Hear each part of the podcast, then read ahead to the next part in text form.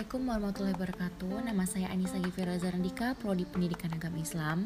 Di sini saya akan menjelaskan materi tentang Islam dan keistimewaannya. Islam. Dikatakan Islam, tentu saja pasti orang muslim.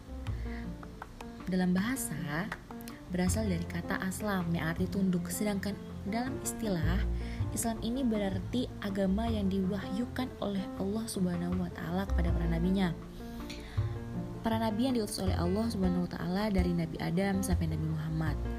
Nabi ini para nabi berjumlah 124.000 sedangkan para rasul berjumlah 315. Yang membedakan rasul dengan nabi yaitu menerima wahyu.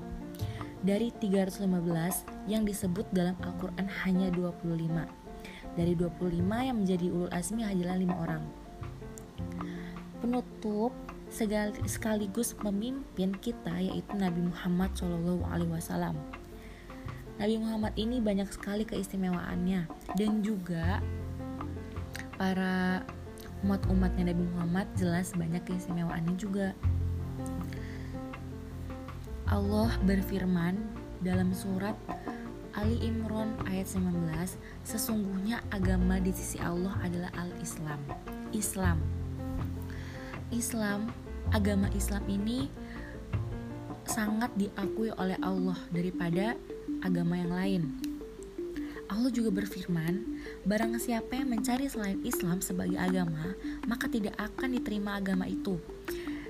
Secara tidak langsung di sini Allah sudah mengancam kita jika kita mencari selain Islam sebagai agamanya, maka di akhirat nanti itu sangat benar-benar rugi Islam yang dibawa para nabi khususnya Nabi Muhammad adalah agama yang sungguh benar-benar di sisi Allah Subhanahu wa taala.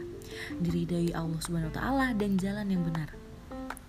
Dan Islam mempunyai keistimewaannya atau karakteristiknya. Yang pertama, Robbaniyah. Rob yang arti Tuhan atau Allah Subhanahu wa taala. Agama Islam bersumbernya dari Allah Subhanahu wa taala. Ajaran-ajarannya langsung diberikan oleh Allah taala lewat malaikat Jibril yang disampaikan para rasul. Yang kedua, insaniyah. Agama Islam bersifat manusia sebagai pedoman manusia. Yang ketiga, syumuliyah, meliputi waktu di tem dan tempat. Maksudnya di sini adalah Islam tetap berlaku hingga akhir zaman walaupun Islam sudah lama diturunkan. Yang keempat, wasatiyah. Agama Islam adalah agama moderat yang mengintegrasikan antara akidah, syariah, muamalah, serta ibadah. Islam jadi Islam itu bukan hanya mengajarkan uh, bukan hanya mengajarkan kita harus sholat harus sholat harus sholat itu tidak ada kayak sedetail-detailnya gitu nah jadi Islam ini itu bagaimana kita berhubungan dengan Allah secara benar-benar dan juga bagaimana kita berhubungan dengan makhluk Allah. Makhluk Allah di sini adalah keluarga teman, dan lain-lain.